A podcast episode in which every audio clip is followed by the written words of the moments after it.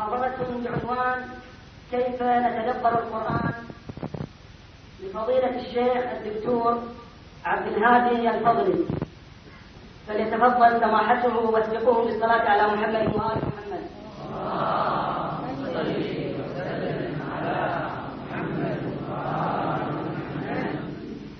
السلام عليكم ورحمة الله وبركاته. بسم الله الرحمن الرحيم. الحمد لله رب العالمين والصلاة والسلام على نبينا محمد وآله الطيبين الطاهرين شهر رمضان الذي أنزل فيه القرآن هدى للناس وبينات من الهدى والفرقان الموضوع الذي نريد أن نتحدث عنه يا رب من القائمين على هذه الجلسات المباركة هو تدبر معاني القرآن ويرتبط الموضوع ارتباطا وثيقا بالمناسبة الكريمة وهي مناسبة شهر رمضان ويطلق على شهر رمضان في لغة العلوم الدينية شهر القرآن لنزول القرآن فيه ولتعهد المسلمين لتلاوة القرآن في هذا الشهر المبارك وعقد جلسات وندوات تفسير القرآن الكريم في هذا الشهر الميمون وقبل أن أتحدث عن موضوع التدبر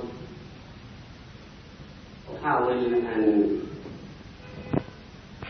أعطي شيء من الإيضاح لما جاء في الآية التي تشرفت بها وهي شهر رمضان الذي أنزل فيه القرآن قصد الآية الكريمة شهر رمضان بأنه أنزل فيه القرآن هناك اختلاف بين المفسرين في كيفية نزول القرآن في هذا الشهر المبارك بعضهم يقول أن القرآن نزل بكامله في اللوح المحفوظ وبعد هذا أنزل تدريجا حسب متطلبات المناسبات وبعضهم يذهب إلى أنه أنزل كاملا على رسول الله صلى الله عليه وآله وربما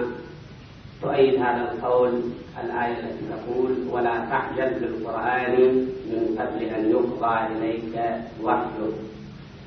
ثم آه، يؤمر النبي صلى الله عليه وآله أن يقول الآية أو السورة أو الآيات التي تقتضيها المناسبة ثم تشير الآية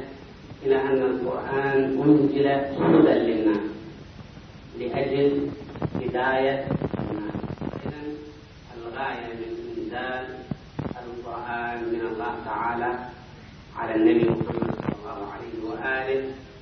هي هداية الناس ثم تقول وبينات من الهدى والفرقان آه، أحاول أن أستعمل اللغة العلمية مع التوضيح آه، لأنه في المحاضرات السابقة الواحد كنت أنزل إلى المستوى الآن نحاول أن نرفع من المستوى والمناسبة مناسبة شهر رمضان هذا بين سمع بينة سمع بينة ماذا تعني بين لها معنى لغوي يستعمل عند عامة العرب ومعنى اصطلاحي يستعمل في الفقه الإسلامي وبخاصة في موضوع الشهادات والقضاء وما يعرض من الأحوال الشخصية العامة المعنى اللغوي لكلمة بينة هو الدليل الدليل برهان يقول الدليل على هذا الشيء هو كذا أو البرهان على هذا الشيء هو كذا الدليل والبرهان هو البينة العرب يستعملون كلمة البينة البرهان وعندما جاء التشريع الإسلامي ضيق دلالة هذه الكلمة ضيق معنى هذه الكلمة وعادة المصطلحات العلمية هكذا تستعمل بمعنى عند أبناء الأمة بتلك اللغة ثم يأتي العلماء في أي حقل من حقول المعرفة يأخذون تلك الكلمة ويضيقون في دلالتها هذه الكلمة كنا تستعمل عند العرب بمعنى الدليل بمعنى البرهان أي دليل كان وبأي شكل كان يقال له بينة لأنه يبين ويوضح آه، التشريع الإسلامي عندما جاء غير في مدلول هذه الكلمة في دلالة هذه الكلمة وحصرها بالشهادة شهادة رجلين أو شهادة رجل وامرأتين أو شهادة أربع نسوة ما يعرف بالشهادة في القضاء والمرافعات وفي آه، باب الشهادات في الفقه وفي أبواب أخرى في الصلاة وغير الصلاة المعنى في الآية القرآنية ليس البين بمعناها الاصطلاحي وهو شهادة رجلين عادلين أو إلى آخره وإنما يراد منها الأدلة والبراهين يعني في القرآن الكريم كما أنزل القرآن الكريم هداية الناس فيه أيضا أدلة وبراهين هذه الأدلة والبراهين الموجودة في القرآن نرجع إليها في ما يناسب فبينما يعني أدلة وبراهين وبالمعنى العام ليس بالمعنى الاصطلاحي بالمعنى العام قد يكون هناك الدليل عقلي وقد يكون الدليل وجداني وقد يكون دليل أي شيء آخر فالمراد بينات من الهدى الهدى هنا الحق بينات من الهدى أدلة أدلة حق وبراهين حق بينات من الهدى والفرقان الفرقان أيضا كلمة لها معنى لغوي ولها معنى اصطلاحي المعنى اللغوي هو المعنى الذي يستعمله كل العرب الفرقان ما يفرق بين شيء وشيء آخر نقول هذا يفرق بين هذا وبين هذا الذي يفرق بين شيء وآخر نسميه فرقان الذي يفرق مثلا بين الحق والباطل نسميه فرقان يوضح لنا كيف يفرق يوضح لنا يقول هذا حق وهذا باطل هذا نسميه فرقان آه هذه الكلمة أيضا استعملت كاسم للقرآن الكريم أو كوصف للقرآن الكريم وأخذنا عندما نطلقها يعني عادة آه بما يشبه المصطلح عندما نقول الفرقان يتبادر إلى أذهان القرآن الكريم لماذا؟ لأن القرآن كما سأشير فيما بعد يفرق بين الحق والباطل يعني ميزان ومقياس من خلاله تفهم أن هذا حق أو هذا باطل أعطي مثال لأجل أن أوضح أكثر الروايات التي تروى عن رسول الله صلى الله عليه وآله هذه الروايات فيها ما هو صادر عن الرسول يعني قاله الرسول وفيها ما هو غير صادر عن الرسول وإنما وضعت هذه الرواية وكتبت على رسول الله كيف نفهم هناك دراسة للسند ودراسة للدلالة الآن لا نريد أن نتعرض لدراسة السند نأتي إليها فيما بعد دراسة الدلالة الدلالة معنى الرواية فنحن إذا أردنا أن نعرف هذه الرواية صادرة عن رسول الله أو ليست بصادرة عن رسول الله كيف نعرف؟ عندنا المقياس والمعيار والقرآن هو القرآن الكريم إذا كان معنى الرواية يلتقي مع معنى القرآن المعنى الموجود في القرآن إذا هي صادرة عن رسول الله وإذا كانت الرواية عارضة القرآن معناها لا يلتقي مع معنى القرآن هذه غير صادرة عن رسول الله هذا كمثال كيف نتخذ من القرآن قرآنا يميز الحق من الباطل يعرفنا أن هذا حق وهذا باطل الآن ننتقل إلى موضوعنا وهو تدبر القرآن كلمة تدبر أنا كنت أستعمل اللغة العلمية حتى نطلع من المستوى شيئا فشيء لأن شهر رمضان كما هو مألوف في البلدان الشيعية الأخرى وكذلك البلدان الإسلامية بشكل عام موسم ثقافي يعني الناس يستفيدون منه عقيدات ثقافية معلومات ثقافية تضاف إلى معلوماتهم الأخرى كلمة تدبر مفقودة من الأدبار الأدبار بمعنى عواقب الأشياء نتائج الأشياء يعني أنت تريد آه أن تتعرف شيء من الأشياء من أجل أن تصل إلى ما هي العواقب التي سينتهي إليها ما هي النتائج التي سينتهي إليها هناك حادثة قائمة نحن نريد أن نتابع هذه الحادثة حتى نتعرض العاقبة التي ستنتهي إليها الحادثة أو النتيجة بتعبيرنا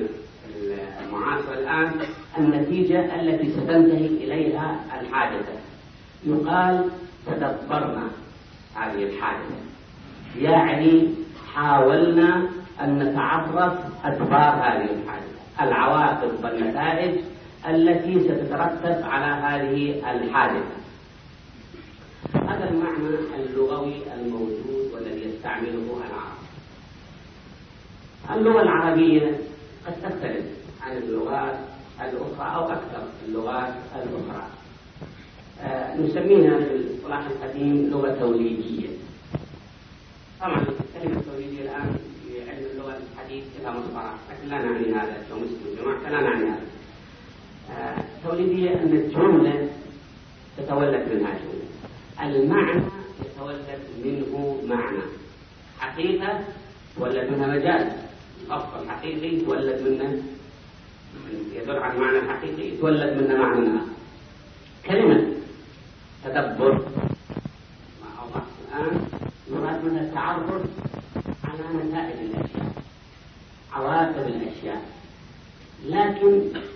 نتيجة الاستعمال وكثرة الاستعمال تولد معنى آخر مظهر التفهم تقول تدبرت معنى هذا الشيء يعني حاولت أن أفهمه معنى التفهم لكن بشيء من التأمل بشيء من التحليل هذا نسميه تدبر في فهم سريع فهم خاطئ لا يوصلنا إلى نتائج هذا لا نسميه تدبر فهم عميق فيه شيء من التأمل فيه شيء من التحليل هذا نسميه تدبر آه، كلمة تدبر وردت في القرآن في عدة آيات طبعا في مشتقاتها أقرأ بعض الآيات وأحاول أن أستوحي أو أستلم إشراقات هذه الآيات الكريمة آه، الآية الأولى تقول أفلا يتدبرون القرآن ولو كان من عند غير الله لوجدوا فيه اختلافا كثيرا أفلا يتدبرون القرآن يعني معناها بلغة غير علمية لماذا لا يحاولون أن يفهموا معاني القرآن أفلا يتدبرون القرآن لماذا لا يحاولون أن يفهموا معاني القرآن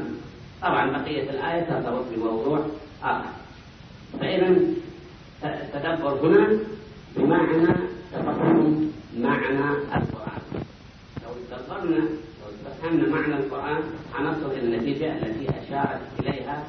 الآية القرآنية وهو أن القرآن من الله آه، محاولة فهم معنى القرآن بتأمل وتحليل ينظرنا إلى أن القرآن من الله أو نعم. إلى النتيجة هذا معنى التدبر معرفة نتائج الأمور آه، آية أخرى تقول أفلا يتدبرون القرآن أم على قلوب أقفالها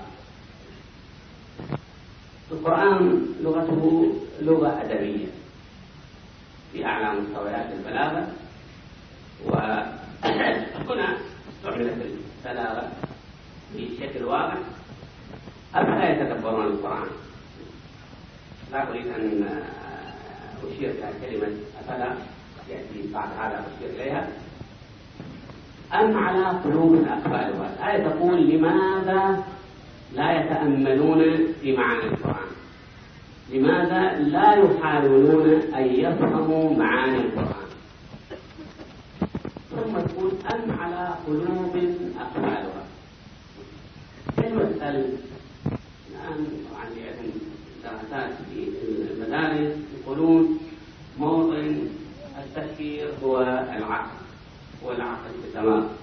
منطقة الموطن المكاتب النخاع الشوكي هذه منطقة العقل هذا الشيء الذي يدرك فكيف يكون التدبر بالقلب؟ أم على قلوب القلب نحن نفهم على العضو النظري المعروف الموجود في الصدر أريد أن أشير إلى شيئين وهما كلمة في اللغة العربية تطلق على هذا العضو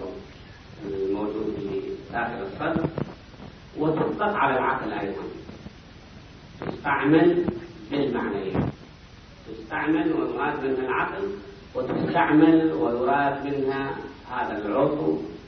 آه، الموجود في داخل الصدر ألا يتدبرون أم على قلوب قلوب يراد منها هنا موضع التركيز القلب الذي هو موضع التركيز شيء قد يستغرب لما أقوله حتى الآن يعني الدراسات المستفيضة من عهد الإغريق قبل آلاف السنين إلى الآن الجامعات الأوروبية والجامعات الأمريكية ولكن حتى الآن في شيء يجزم به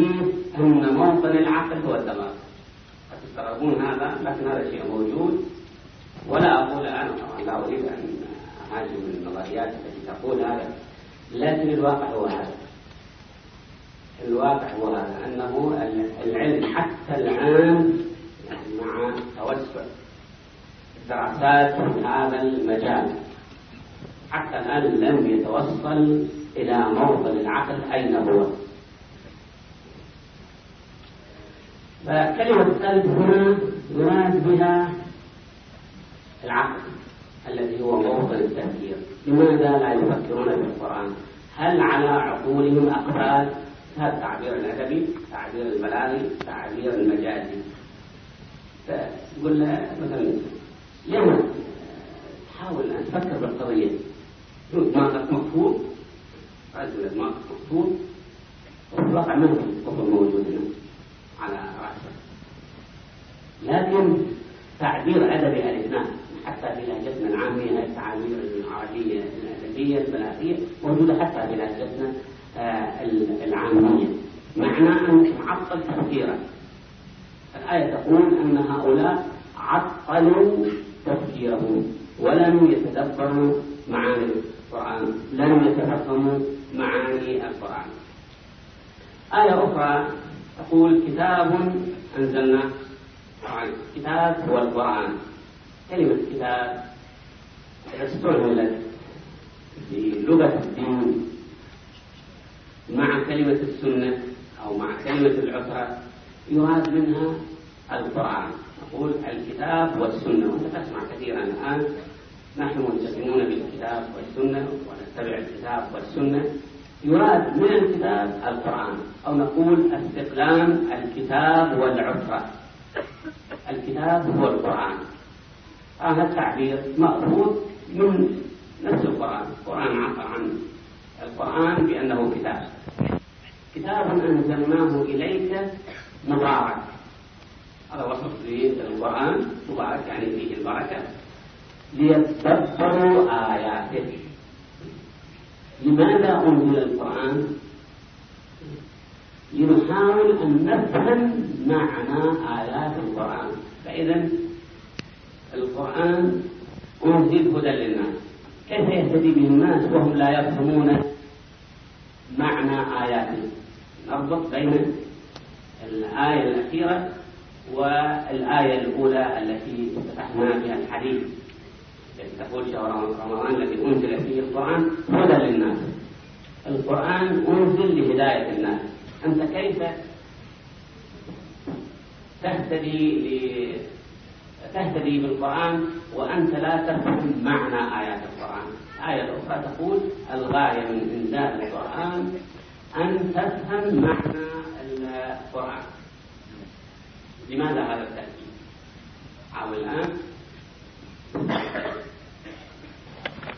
قلت ان القران انزل كما تقول الايه الكريمه لهدايه الناس وكيف نهتدي بالقرآن إذا كنا لا نفهم معنى آيات القرآن آية القرآن تقول المطلوب أن نتدبر معنى آيات القرآن فإذا الغاية ترتبط بالغاية الأخرى وتعطينا القرآن أنزل بهداية القرآن لكن هذه الهداية لا تأتي إلى الناس أو لا يحصل عليها الناس إلا بعد أن يتدبروا معاني هذا القرآن يفهموا معاني هذا القرآن هكذا نربط بين الآيتين ونستنتج منها هذا الاستنتاج آه كلمة ألا موجودة الآن في الآيتين الأولين أفلا يتدبرون الآية الثانية تقول أيضا أفلا يتدبرون الفاء نطرحها لأنها جاءت في موضع عطف مثلا ألا كلمة ألا تستعمل في اللغة العربية للعرض العرض نوع من أنواع الطلب أنت تريد أن تطلب من الإنسان شيء من الأشياء أو يعمل عمل من الأعمال نستعمل نوع من أنواع الطلب الموجودة عند العرب في نوع من الطلب يكون مهذب يسموه العرب نستعمل لغة مهذبة لغة مؤدبة قل لا لا تعمل هذا العمل تطلب منه أن يعمل هذا العمل الطلب عادة يدل على الوجوب هكذا يقولون في أصول الفقه الطلب يدل على الوجوب إذا لم يقترن بما يصرفه عن الوجوب طبعا لم يقترن بما يصرفه عن الوجوب من هذا نستنتج أن تدبر معاني القرآن واجب فهم معاني القرآن واجب يعني علينا أن نحاول أن نفهم معاني القرآن ولو بالمقدار الذي آه، نستطيعه حتى نحقق هذا الشيء من الوجوب لماذا كل هذا الله سبحانه وتعالى يؤكد على المسلمين أن يفهموا معاني القرآن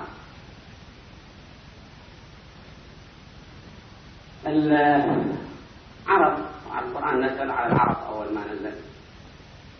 وبعد هذا دخلت الأمم الأقوام الأخرى في الإسلام العرب عند نزول القرآن كانوا مجتمعات بدائية والمجتمعات البدائية من خصائصها الجمود الذهني والجمود الفكري والجمود الحضري حضاري يعني بتعبير آخر ما أستعمل اللغة العلمية ثم أحاول أن أوفق لهجتنا لما نقول جمود ذهني يعني معطل ذهني ما يفرق يكتفي بأساطير سمعها من كبار السن في مجتمعه هو عندما يكبر أيضا ينقل هذه الأساطير إلى الشباب والصغار وهكذا قد مجموعة من المعلومات لا تزيد ولا تنقص تنقل من جيل إلى جيل هذا معناه تعطيل للذهن تعطيل للفكر المفروض الإنسان دائما أن يفكر ونقوم الحياة إلى ما هو أحسن إلى ما هو أفضل نجد يعني نقص نعم، نحاول نفكر كيف نكمل هذا النقص المجتمعات البدائية سبب تخلفها المنقول المجتمعات البدائية متخلفة سبب تخلفها وأهم باب تخلفها هو الجمود الذهني يعطلون تفكيرهم لا يفكرون وإذا حاول أي شخص يفكر من أجل أن يغير إلى واقع أفضل إلى واقع أحسن الكل يقفون ضده لماذا يرون أن الوضع الذي هم عليه هو هذا المجد الذي ينبغي أن يحافظ عليه ويعتز به هذه الظاهرة موجودة في كل المجتمعات آه، البدائية والقرآن نعم على هذه الظاهرة وحاربها إنا وجدنا أبانا على هذا أنا شفت أول أنا مو أفضل من أول أنا مو أحسن من أول لازم أمشي على سيرة على سيرته لا هذا خطأ الخطأ خطأ كان صار من أبيه أو من من هو أكبر من أبيه خطأ خطأ فالجمود الذهني الذي كان موجود عند العرب أراد أن يقضي عليه القرآن أراد أن يحول العرب إلى حركة نوم يتحرك أيضا يبدأ يفكر إذا فكر فيغير من واقع حياته لماذا هذا؟ لأن الإسلام تغيير جاء ليغير الواقع الفاسد الذي كان موجودا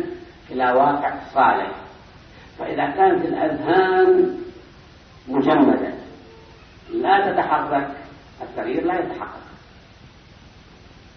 إذا لابد حركة الأذهان لتتقبل الأفكار الجديدة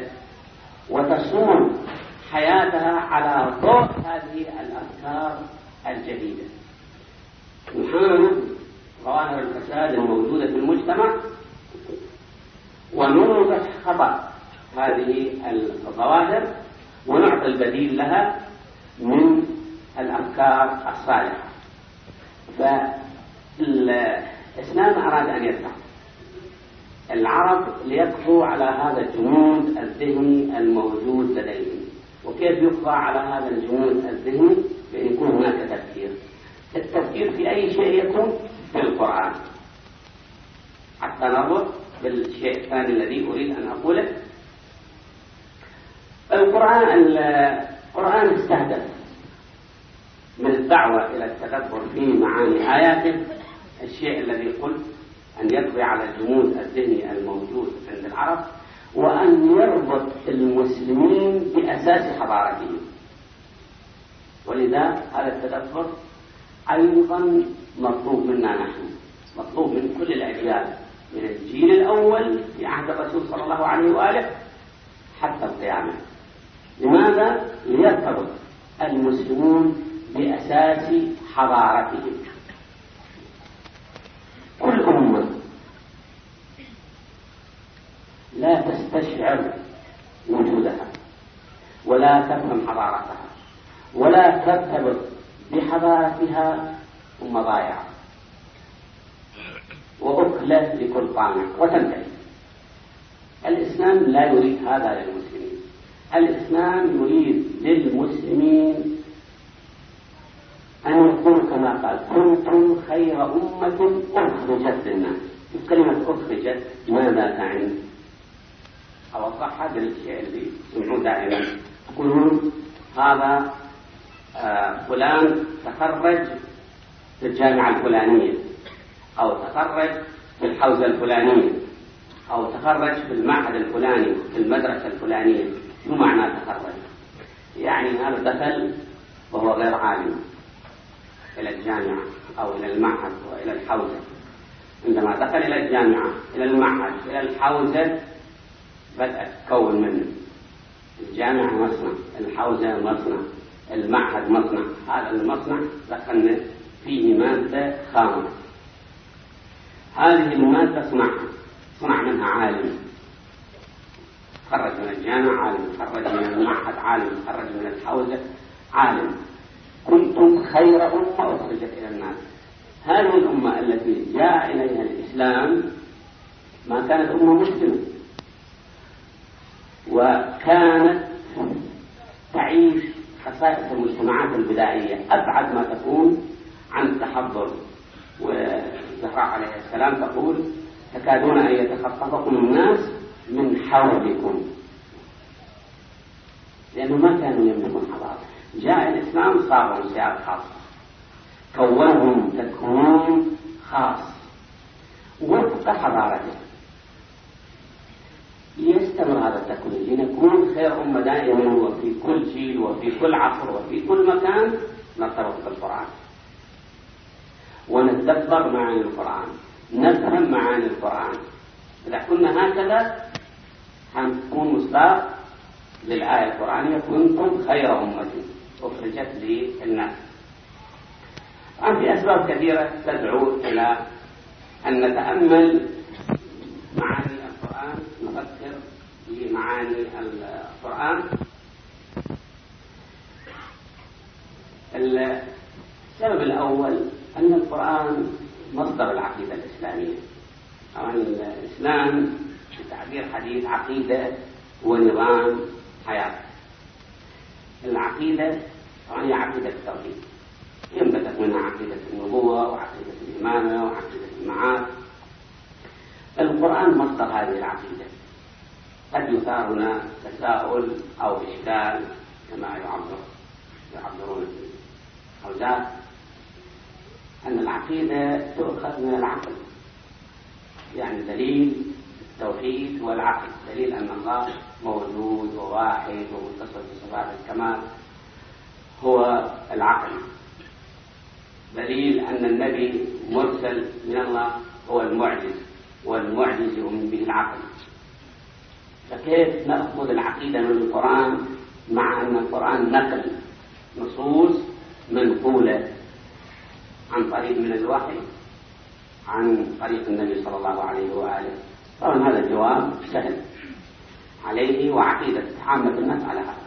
عامة الناس العقيدة عندهم موروثة ويأخذونها عن تقليد وليس عن دليل لأن لو تسأل أي باستثناء بعض الأفراد أكثر الناس لا يفهم هذه الأمور التي تذكر في علم الكلام أو في الفلسفة وإنما هو نشأ في بيئة إسلامية تؤمن بوجود الله وبوحدانيته وبكماله وتؤمن بالنبي محمد صلى الله عليه واله وبالقران انه منزل من الله واذا كنا شيعا نؤمن بالائمه عليهم السلام وبالمعاصي هذا ممكن ان يجاب عنه اما القران معجز من قوه النبي محمد صلى الله عليه وآله طبعا هذا التعميم يكون محدث من آه، خطباء المنبر الحسيني قرقون إلى هذا دائما المعجز لا ينتج إلا عن طريق نحن نؤمن بالقرآن أنه معجز عن طريق العقل فإذا آمنا عن طريق العقل بأنه معجز آمنا أيضا عن طريق العقل بأن النبي صلى الله عليه وآله مرسل من الله وأنه صادق وما يقوله حق فعندما نأخذ المعنى الموجود في القرآن هذا المعنى الموجود في القرآن مستند إلى إيماننا القائم على أساس من العقل بأن القرآن من الله هذا لا يتنافى أن نأخذ العقيدة منه آه، القرآن ما إلى موضوع التوحيد أوسع من أي وثيقة إسلامية أخرى طبعا القرآن هو أقدم وأهم وثيقة إسلامية يعني أوسع مما جاء في الحديث الحديث المروي عن النبي صلى الله عليه وآله أو عن العلم عليه السلام فيه تعرف لموضوع التوحيد لكن الموجود في الحديث كله أو أكثره مأخوذ من القرآن فالقرآن تعرض للألوهية تعرض إلى النبوة وبشكل موسع أشار إلى موضوع الإيمان عرض إلى موضوع المعاد بشكل موسع فنحن إذا أردنا أن نفهم عقيدتنا أنت لا تكون مسلم إذا لم يكن لديك الأساس الذي يثبت أنك مسلم وهو العقيدة تأملنا بالآيات القرآنية عطولة أمامنا هذه العقيدة التوحيد والنبوة وإلى آخره هذا سبب من الأسباب التي تدعونا إلى أن نحاول أن نفهم ونتأمل معاني القرآن آه، الكريم السبب الآخر أن القرآن أصل التشريع أصل النظام قلنا الإسلام عقيدة ونظام القرآن أصل النظام أصل التشريع وضح هذا الآن تسمعون أن الدولة الفلانية لها دستور كلمة دستور بعد عن هامش أيضا كلمة دستور ليست بعربية كلمة فارسية تعني القاعدة الأساس الأصل الآن في الكتب اللي تدرس في آه، اللغة الفارسية سواء في إيران أو في جامعاتنا في البلاد العربية عندما يدرسون اللغة الفارسية يقولون دستور زبان يعني قواعد اللغة فدستور معناه قاعدة معناه أساس القرآن دستور التشريع الإسلامي يعني قواعد التشريع الإسلامي أسس التشريع الإسلامي موجودة في القرآن فيه تفصيلات للتشريع الإسلامي يعني لبعض قضايا التشريع الإسلامي فيه تفصيلات لكن أكثر القضايا الإسلامية اللي موجود في القرآن منها الأسس والقواعد وجاءت السنة الشريفة فصلت على أساس من هذه الأسس والقواعد فالقرآن الكريم دستور التشريع الإسلامي لأن نحن إذا أردنا أن ندخل تشريعنا نرجع للقرآن أول نتفهم هذه الأسس هذه القواعد ثم نأتي إلى التفصيلات الموجودة في السنة وفي كتب الفقه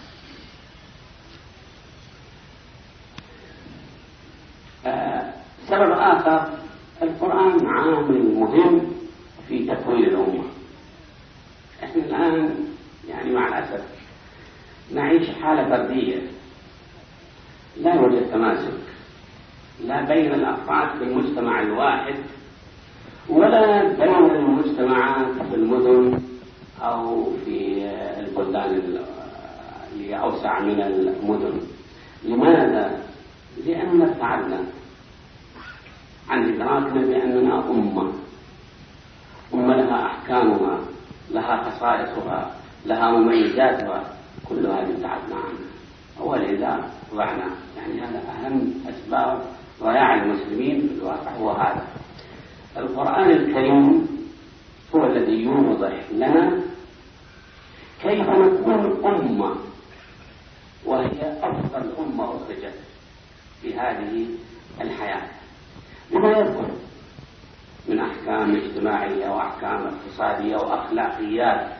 على اختلاف أنماط الأخلاق الموجودة في القرآن آه، الكريم لو حاولنا تفهم هذه وتدبرها لاسترجعنا وجودنا مرة ثانية فإذا من أهم الأسباب التي تدعو إلى التأكيد على فهم معاني القرآن أن فهم عن القرآن يربطنا بأساس حضارتنا والحضارة هي التي تكون الأمة هي التي تصوغ كيان الأمة آه، كأمة هذا أيضا سبب من الأسباب التي تدعو إلى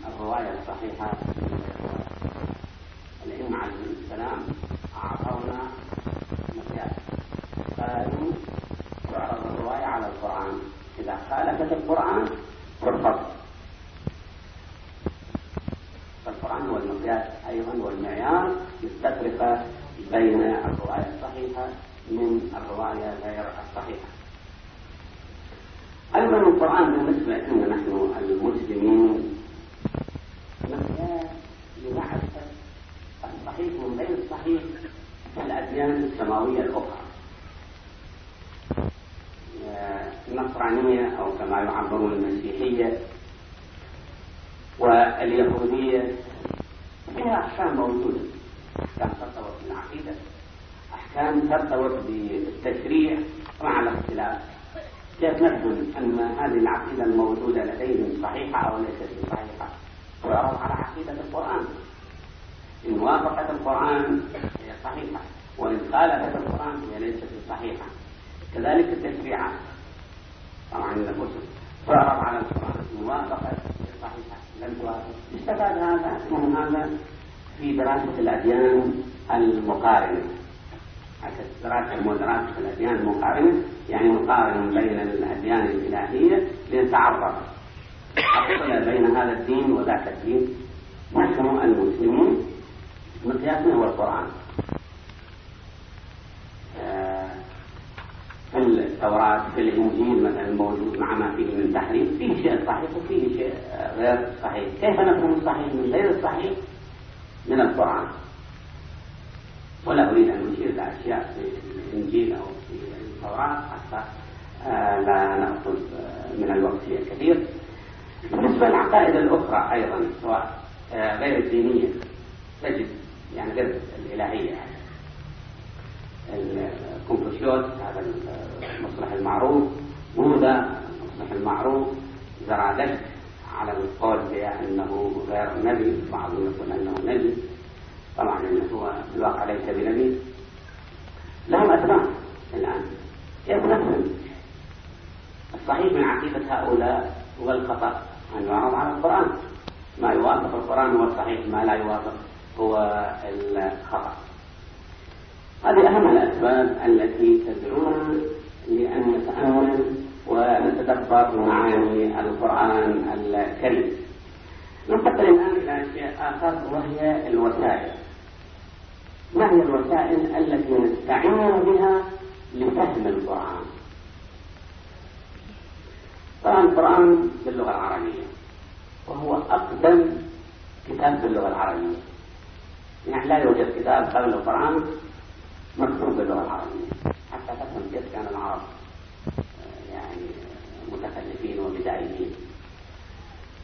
فنزل القرآن باللغة العربية وباللغة العربية الفصيحة فمن يريد أن يفهم القرآن لابد أن يفهم اللغة العربية يريد أن يفهم معاني القرآن لابد أن يفهم اللغة العربية ترجمان موجود يعني أكثر من أربعين ترجمة للقرآن إلى لغات مختلفة الترجمات ليس تفهم للقرآن بشكل مباشر الترجمة تعتمد على فهم المترجم المترجم يترجم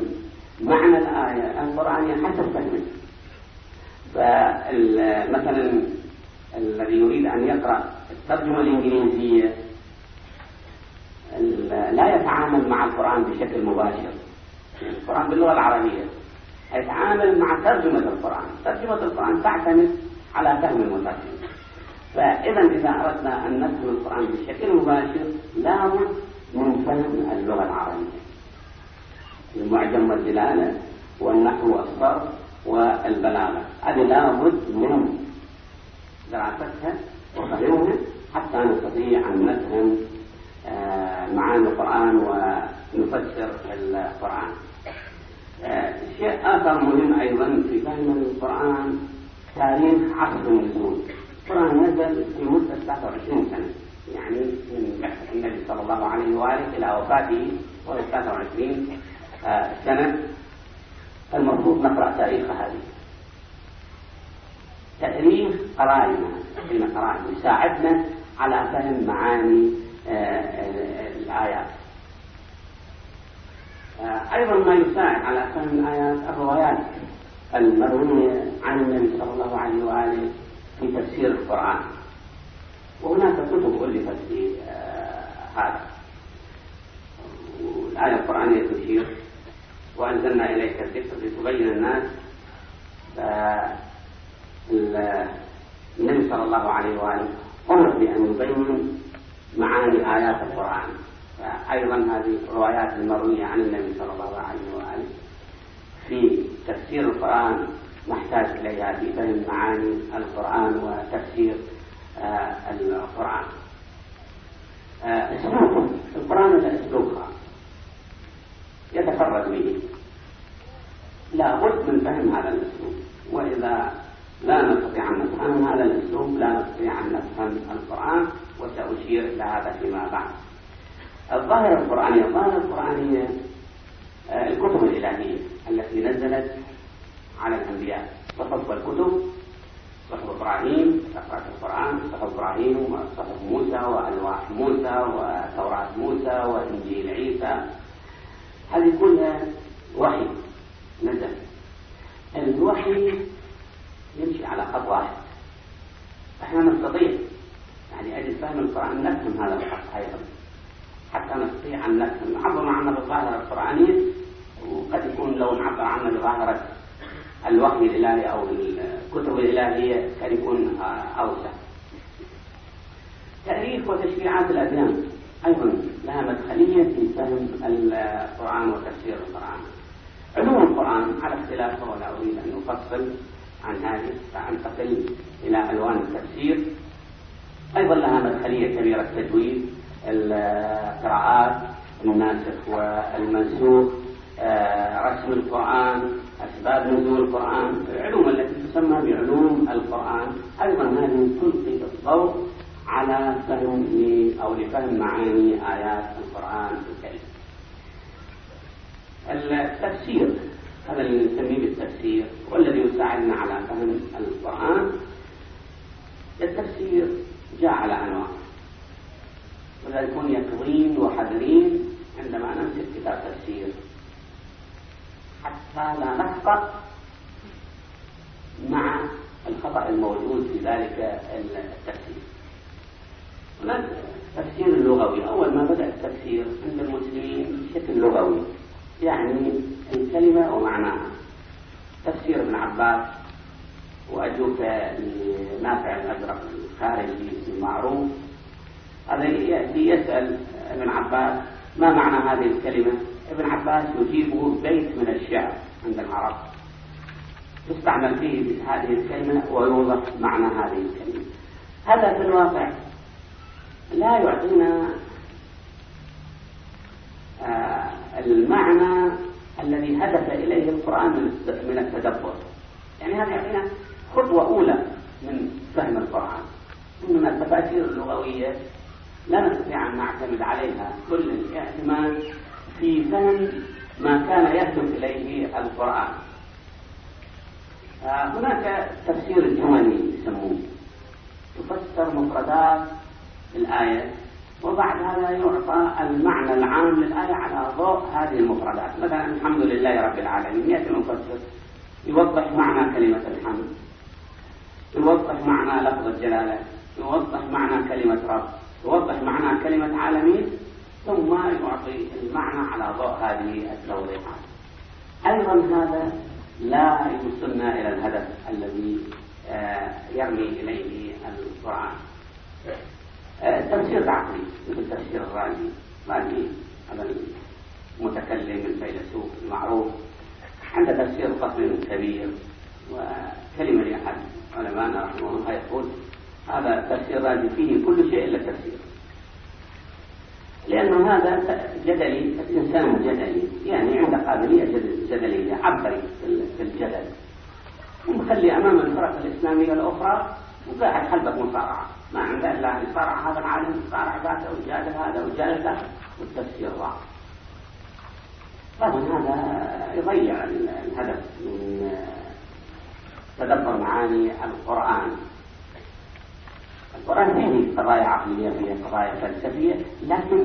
لا تصل إلى مستوى الجدل الذي آه، مشى عليه الرازي أو ابن سينا أو أمثالهم من الفلاسفة المفسرين تفسير الوجداني هذا التفسير موجود عند الصوفية مثل تفسير ابن عربي هذا العالم السني المعروف آه، مثل عندنا في الشيعة تفسير العرفاني مثل تفسير الجنابلي هذا الذي بيع قبل فترة هنا بأربع آه، أربعة مجلدات آه، هذا أيضا هذا في الواقع نعم، بعيد كل البعد عن مرمى القرآن يعني نحمل ثم عندهم معاني وما يحملوها ويعطوها وما ادري اشياء بعيده آه، كل البعد يعني هذا يكون ممكن يكون تفسير خاص المهم الصوفية واحد بس وليس للمسلمين وكذلك العقلانيين يعني فسروا القرآن بالباطل يسمى طبعا هو حسب ما يستوحي من المعنى ولا يختلف واحد يقول كذا مراد واحد يقول كذا مراد يفسر الركوع ليس بالركوع الذي هو يفسر السجود ليس بالسجود المعروف يفسر الصلاة ليس بالصلاة المعروفة يفسر الصوم ليس بالصوم المعروف طبعا هذا آه، لا يستفاد منه كما ينبغي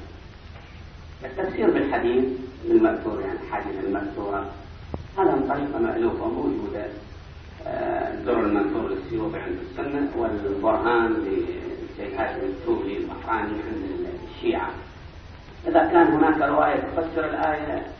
يذكر رواية إذا لا توجد رواية لا يفسر الآية التفسير فيه شيء من النص وأيضا لا يوصلنا إلى الهدف نستعين بالروايات في التفسير كما أشرت لابد أن نستعين بالروايات لكن لا نقتصر عليها لابد من نستعمل وسيلة اللغة وغير اللغة التفسير العلمي هذا تفرد به مصري معاصر في قبل فترة آه، تفسير جوهر الطنطاوي هذا انحشد الكيمياء والفيزياء والهندسة والعلوم الموجودة في الدنيا كلها انحشدها في تفسيره لكن القرآن أين هو؟ لا تجده في التفسير يجد واحد يعرف النظريات الفيزيائية الكيميائية النظريات الهندسية نظريات الأحياء في النبات في الحيوان أنواع الحيوان يروح هذا التفسير لكن إذا يريد يفهم القرآن بعيد كل البعد طبعا هذا شيء ممكن احنا ان نستفيد من النظريات العلمية الحديثة في التفسير لكن في مواضع تأتي وليس كل القرآن يكون هكذا آه، آخر شيء انتهي إلى التفسير والتفسير الموضوعي أولي أولينا قرتنا أخرى التفسير الموضوعي هو أن نأخذ آه، موضوع من القرآن مثل الملائكة في القرآن نجمع كل الآيات التي تحدثت عن الملائكة ونفسر هذه الآيات بعضها لبعض وننتهي تفسير القرآن بعضه لبعض آه نأخذ مثلا الجن الآيات التي وردت في القرآن الصلاة كل الآيات التي وردت في الصلاة ونوعها وهكذا حتى نمر بالموضوع بشكل كامل طبعا هذه النظرية موجودة في المناهج في الدراسات الإنسانية وبخاصة في علم الاجتماع يسمى منهج الإشقاق يعني الهيئة آه، أن تأخذ الكل ككل وتدرس الكل ككل حتى يكون هناك ترابط بين آه، الأجزاء آه، هذا التفسير يعني من المعاصرين بدأوا السيد الصدر رحمه الله وكان هو من أهم أسباب القضاء عليه والسيد الطباطبائي في الميزان تناول هذا الشيء إلى حد ما لا بأس به والآن هو الزائد المنهج الزائد الآن في تفسير القرآن هو التفسير الموضوعي ولفت النظر إلى أشياء لما قلت لكم يستطيعون عندما نتعامل مع التفاسير قد يأتي شخص كما قرأت أن الشيعة يحاولون هدم التفاسير لا نحن نعتمد على التفاسير ونرجع على التفاسير آه، كمصدر من مصادر الثقافة الإسلامية لكن لابد أن نكون حذرين ونؤكد وأنا أضرب أمثلة الآن حتى ترون هذا آه، معاوية أراد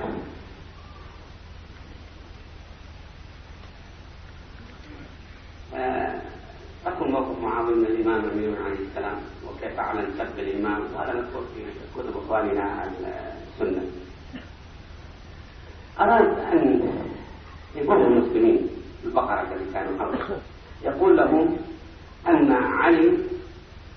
يعني أنا أقرأ الآية لا أصلح لك لا أريد أن أعلم ماذا عمل معاوية أعطى سمرة بن جندب أحد الوضاعين الكذابين 400 ألف درهم مبلغ قبل يعني ذاك الوقت قال له أريد أن آه، تقول أن هناك آية نزلت في علي وتفسرها أنت علي طبعا هذا صحابي جاء الآية هذه ومن الناس من يعجبك قوله في الحياة الدنيا ويشهد الله على ما في قلبه وهو ألذ الخصام وإذا تولى سعى في الأرض ليفسد فيها ويهلك الحرث والنسل والله لا يحب الفساد هذه الآية نزلت في علي في 400 هل دخل علي المنافقين ترى أن نحن لسنا بشيعة ولسنا بمسلمين على مكانته في الإسلام ومنزلته في الإسلام وعند نبي الإسلام وعند الصحابة وعند أهل البيت وعند المسلمين يعني ما في واحد تقبل أن هذه الآية نزلت في عهد لكن هذا هذا ما يدعونا نقول هذا ما يدعونا نكون حذرين ليس كل ما يرد في التفسير ناخذ هذه الاسباب التي تدعونا نحن يعني نبدأ موقف اليقظة والحذر أكثر منها يلا أريد آية أخرى نزلت في ابن ملجم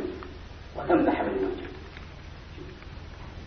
يعني ابن ملجم بأي شيء يمدح لا عالم لا خلي جنب جنب قدر الإمام الجريمة المنكرة هذه لكن ما عنده شيء ما عنده شيء يذكر به أصلا إنسان عالي تافه بالمرة استمر من جندب لأن ما دام من عمان والأموال ترعى الزرع طيب الحق لا باطل قال أن هذه الآية ومن الناس من يشري نفسه ابتغاء مرضات الله نزلت فيه الموسى لأنه باع نفسه يشري بمعنى باع نفسه أقدم على قتل الإمام فربما هو قد يقتل في هذا علما ليرضي الله يقتل على بن أبي طالب ليرضي الله طيب، هذا موجود في التفسير هذا ما يدعونه يعني أن نكون يقظين محللين عندما نتعامل مع التفاسير وليس ولسنا نريد أن نعيد النظر فيها ونرفض التفاسير لا تفاسير فيها ثروة علمية وثقافية عامة ضخمة جدا يعتز بها كل المسلمون ويفتخر بها كل المسلمون ونحن نتعامل معها لكن هذه الأشياء وأمثالها كلمة نقف من تفاسير هذا الموضوع أعود لأنهي الحديث نحن في هذا الشهر الكريم والذي ارجو أن نستفيد من اجتماعنا هذا ونخرج بحقيقة علمية وإلى جانب الحصر العلمي أن يكون لدينا عمل نقرأ القرآن نحن طبعا يعني مستحب قراءة القرآن في كل وقت في شهر رمضان ويثاب الإنسان على تلاوة القرآن لكن إلى جانب القرآن نحاول أن نتفهم شيء من معاني القرآن وكنت أنا قد اقترحت على الأخوان هنا وهناك لي اقتراحات واقتراحات على الحوزات العلمية والحوزات العلمية تقوم بدور مهم كبير في خدمة العلوم الشرعية أن يكون هناك فيها تفسير درس تفسير وبدأ هذا الشيخ بالطول حفظه الله أيام كان موسى ونشاطه وقبل مرجعيته بدأ هذا وصدق كتاب هذا الجزء الأول معروف من البيان أراد أن يدخل هذا من ولكن بعد توقف هذا كيف الصدر رحمه الله أيضا أخذ يفسر القرآن يدخل هذا اللون من الدراسة في حوزة وكان من أهم الأسباب التي آه، يعني استدعت أن يقرأ عليه فأنا آه، أدعو أنت وبكل إخلاص وبكل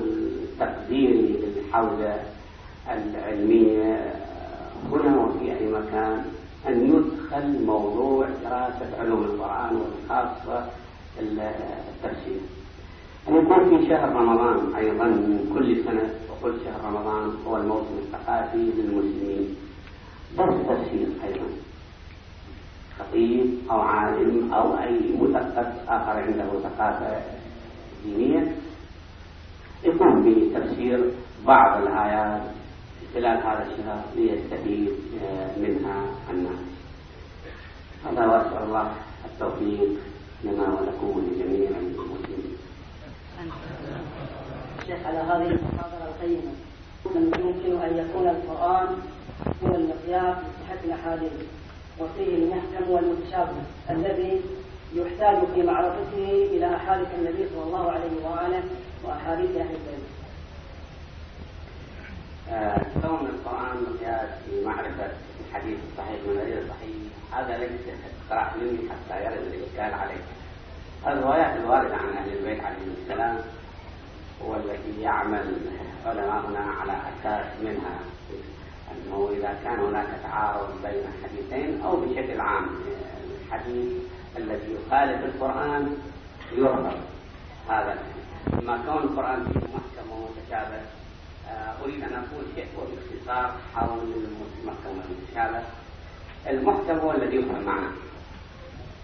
يعني لا يحتاج إلى آه، تأويل المتشابه هو الذي لا يفهم معناه بسهولة وإنما يحتاج إلى تأويل الأئمة عليهم السلام أعطوا الشيعة منهج خاص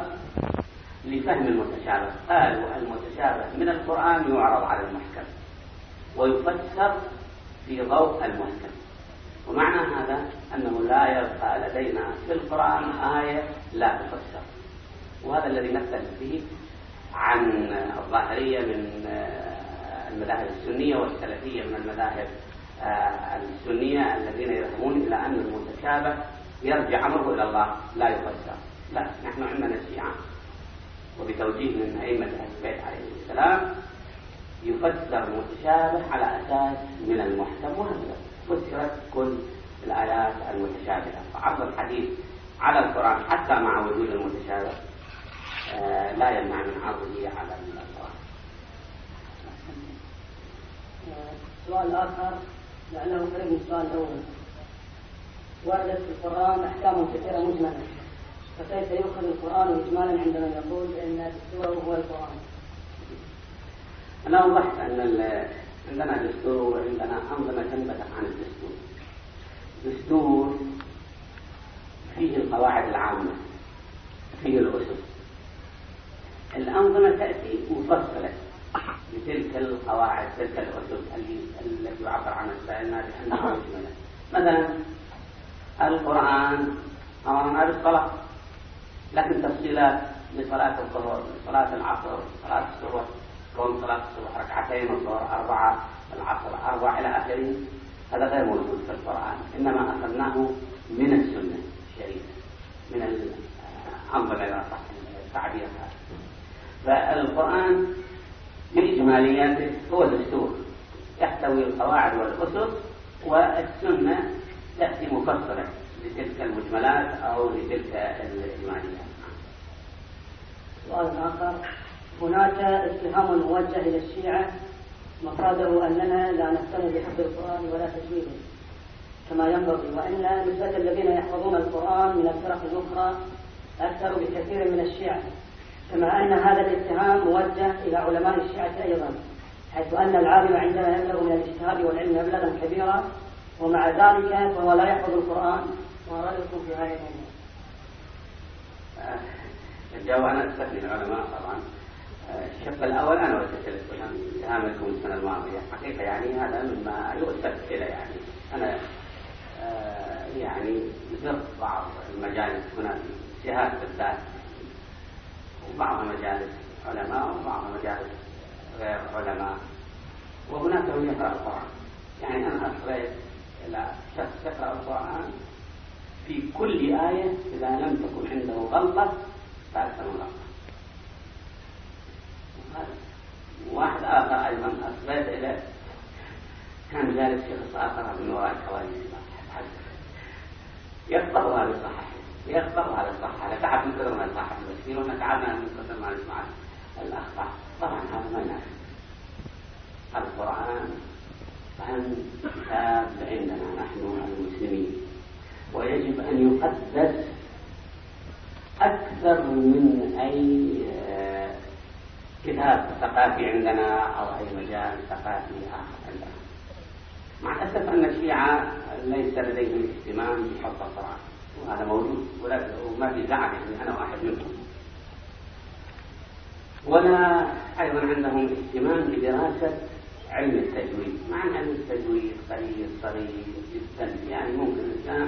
باسبوعين يدرس احكام التجويد ويعرف احكام التجويد التطبيق طبعا يحتاج الى فتره شهر شهرين ثلاثه يستطيع ان يطبق هذه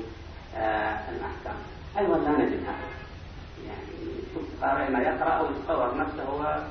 الآن بمستوى أبي بن كعب من حيث القراءة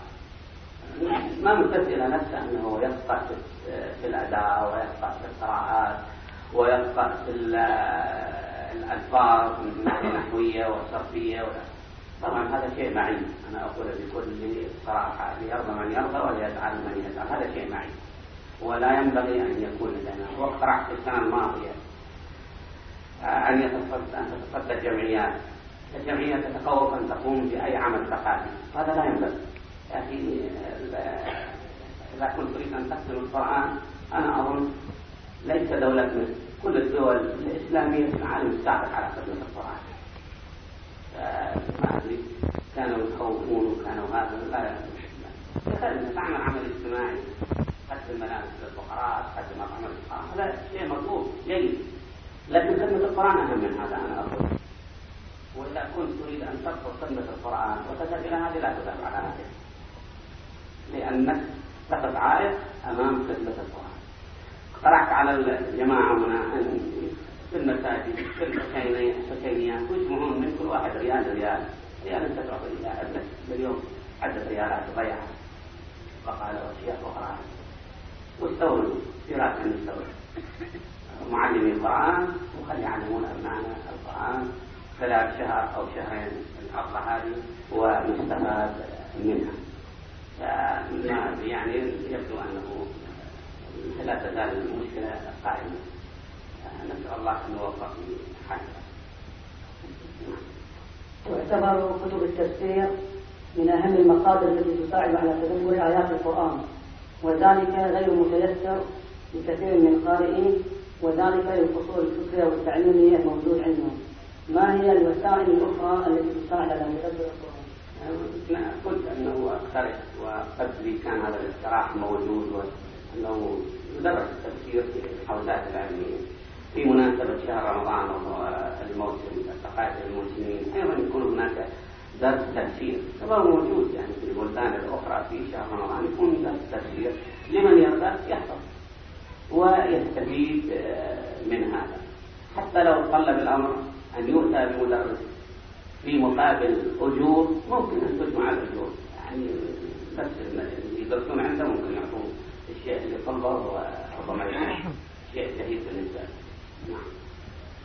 عبر القرآن الكريم بقوله كنتم خير أمة في للناس يعني هذا التعبير يشمل الماضي والحاضر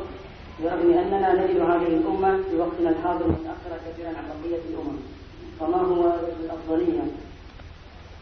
آه، كنتم خير أمة أخرجت الناس المقصود بها المسلمين طبعا في تفسير هناك المقصود بها الأئمة عليهم السلام في تفسير بعض التفاسير في بعض التفاسير أنه جيل الجيل المعاصر لرسول الله جيل الصحابة يعني آه، ظهر القرآن لا المسلمين عامة احنا قلنا ان المسلم الواقع على نقول شيء هناك مسلم واقع وهو الملتزم بالاسلام هذا مسلم ملتزم بكل تعاليم الاسلام ومسلم بالظاهر ولد من ابوين مسلمين وهو وربما يصلي لكن الالتزامات الاخرى ضعيفه هذا اللي يكون هكذا هو الاكثر الأمة ممن تتكون الأمة تتكون مني ومنك ما عندنا شيء ما عندنا شيء غير هالمجموعة من المسلمين في القلب والأمة الإسلامية ما عندنا شيء مبني كهذه الحسينية مثلا في عام الشيخ نقول هذه حسينية الأمة أنا وأنت مجموعة من الناس مترابطة تنضوي داخل إطار حضارة واحدة وهي الحضارة الإسلامية فإذا كنت أنت غير ملتزم بالتزام كامل وذاك غير ملتزم وذاك غير ملتزم تفقد الأمة خصائصها فالضعف الموجود ليس سببه الإسلام وإنما سببه المسلمون المسلمون غير ملتزمين خاصة الجانب يعني الجماعي يعني جانب الأمة وأنا أطلت حول هذا الموضوع في محاضرتي تاريخ الحضارة تكون الأمة وكيف نحن غير ملتزمين بهذا هو طبعا ما في مجال انا أتحدث كثير يعيش المسلمون في هذا العصر تحديات كبرى تقف حجر عثرة في وجه تقدمهم كيف يرسم القرآن طريق السلام القرآن في آية قرآنية قرأنا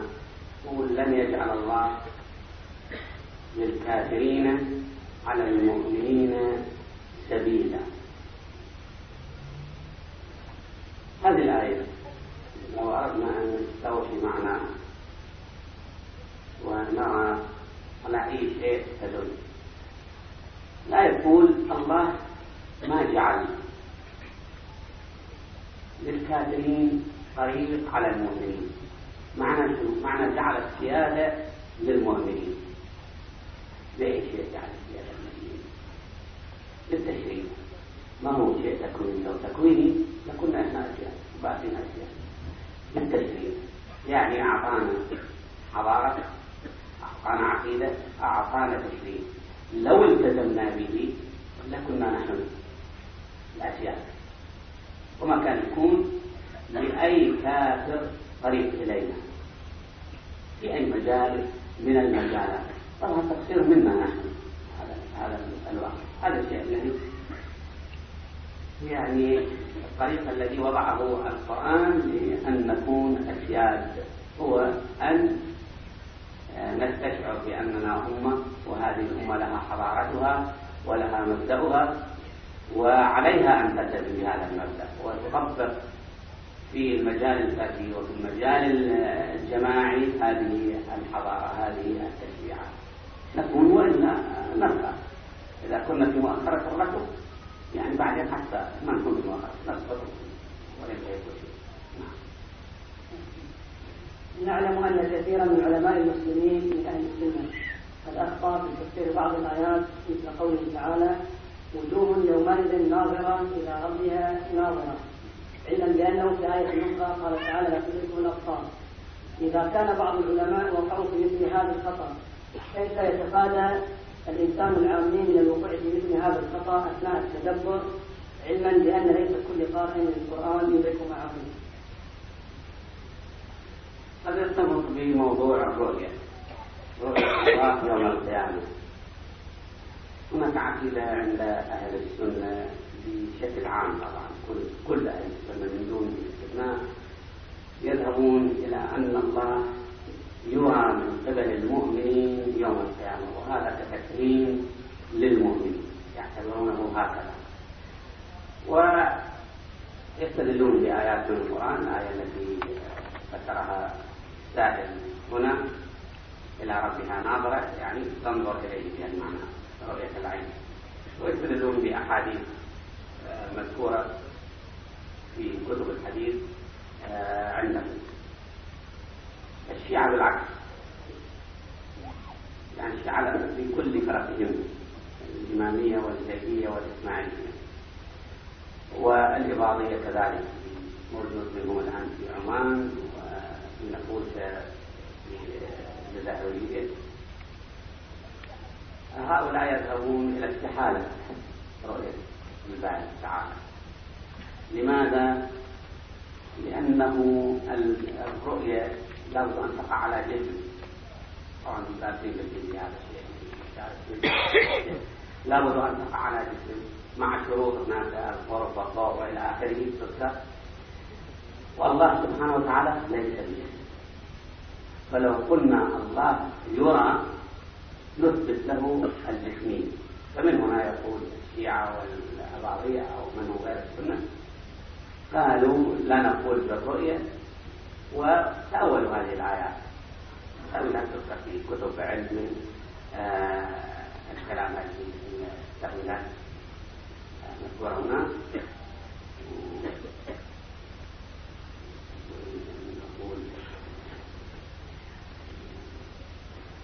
هذا هو الأنصف الذي ذكرها الأشاعرة السنة من حيث الموجود الآن أربع مذاهب الحنفية والمالكية والشافعية والحنبلية هذه المذاهب الفقهية في فرق عقائدية الأشاعرة الماتريدية والصوفية والسلفية هذه فرق تفترق في موضوع العقيدة الأشاعرة أو الأشعرية فرقة من أكثر السنة العام باستثناء السلفية يعني أكثر السنة الآن هم أشاعرة يتبعون الشيخ آه، آه، أبو الحسن الأشعري في موضوع العقيدة يبدو أن الأشاعرة كما مذكور في كتبهم تشعروا أو أدركوا صحة الشيعة والموضوع أن الرؤية البصرية تستلزم التجسيم أن يكون هناك اثنين قالوا نرى رؤية قلبية هناك أحاديث نحن عندنا أيضا قد يفهم منها هذا مروي عن أمر الإمام صالح عليه السلام وسيد الطبقة يذكرها في الميزان ويذهب نفس المذهب لعله الأخ يريد يشير إلى وهذا ما الرؤية القلبية الرؤية القلبية ما فيها شيء يعني ما تستلزم أن يكون أمامك جسم الرؤية البصرية هي التي تستلزم فاستلزم أن يكون أمامك مثل آه، الأشاعرة حلوا الإشكال بهذا التأثير بقية السنة كيف قالوا؟ قالوا أن الله كيف عبر حتى يتضح لكم تعبير علمي خلق حاسة ثالثة عبر التعبير هذا ولو ما ما أرد حاسة ثالثة للإنسان تزيد في نظرات والله سبحانه وتعالى يبرز بشكل إشعاع شكل إشعاع نور هكذا إشعاع فمنها زيادة آه، حاسة الإبصار وهناك إشعاع قوي ممكن أن يرى حاول أن هذا كل خلاصة ما في موضوع الرؤية نشكر سماحة الشيخ على محاضرته القيمة وتفضله بالإجابة على الأسئلة والسلام عليكم جميعا ورحمة الله وبركاته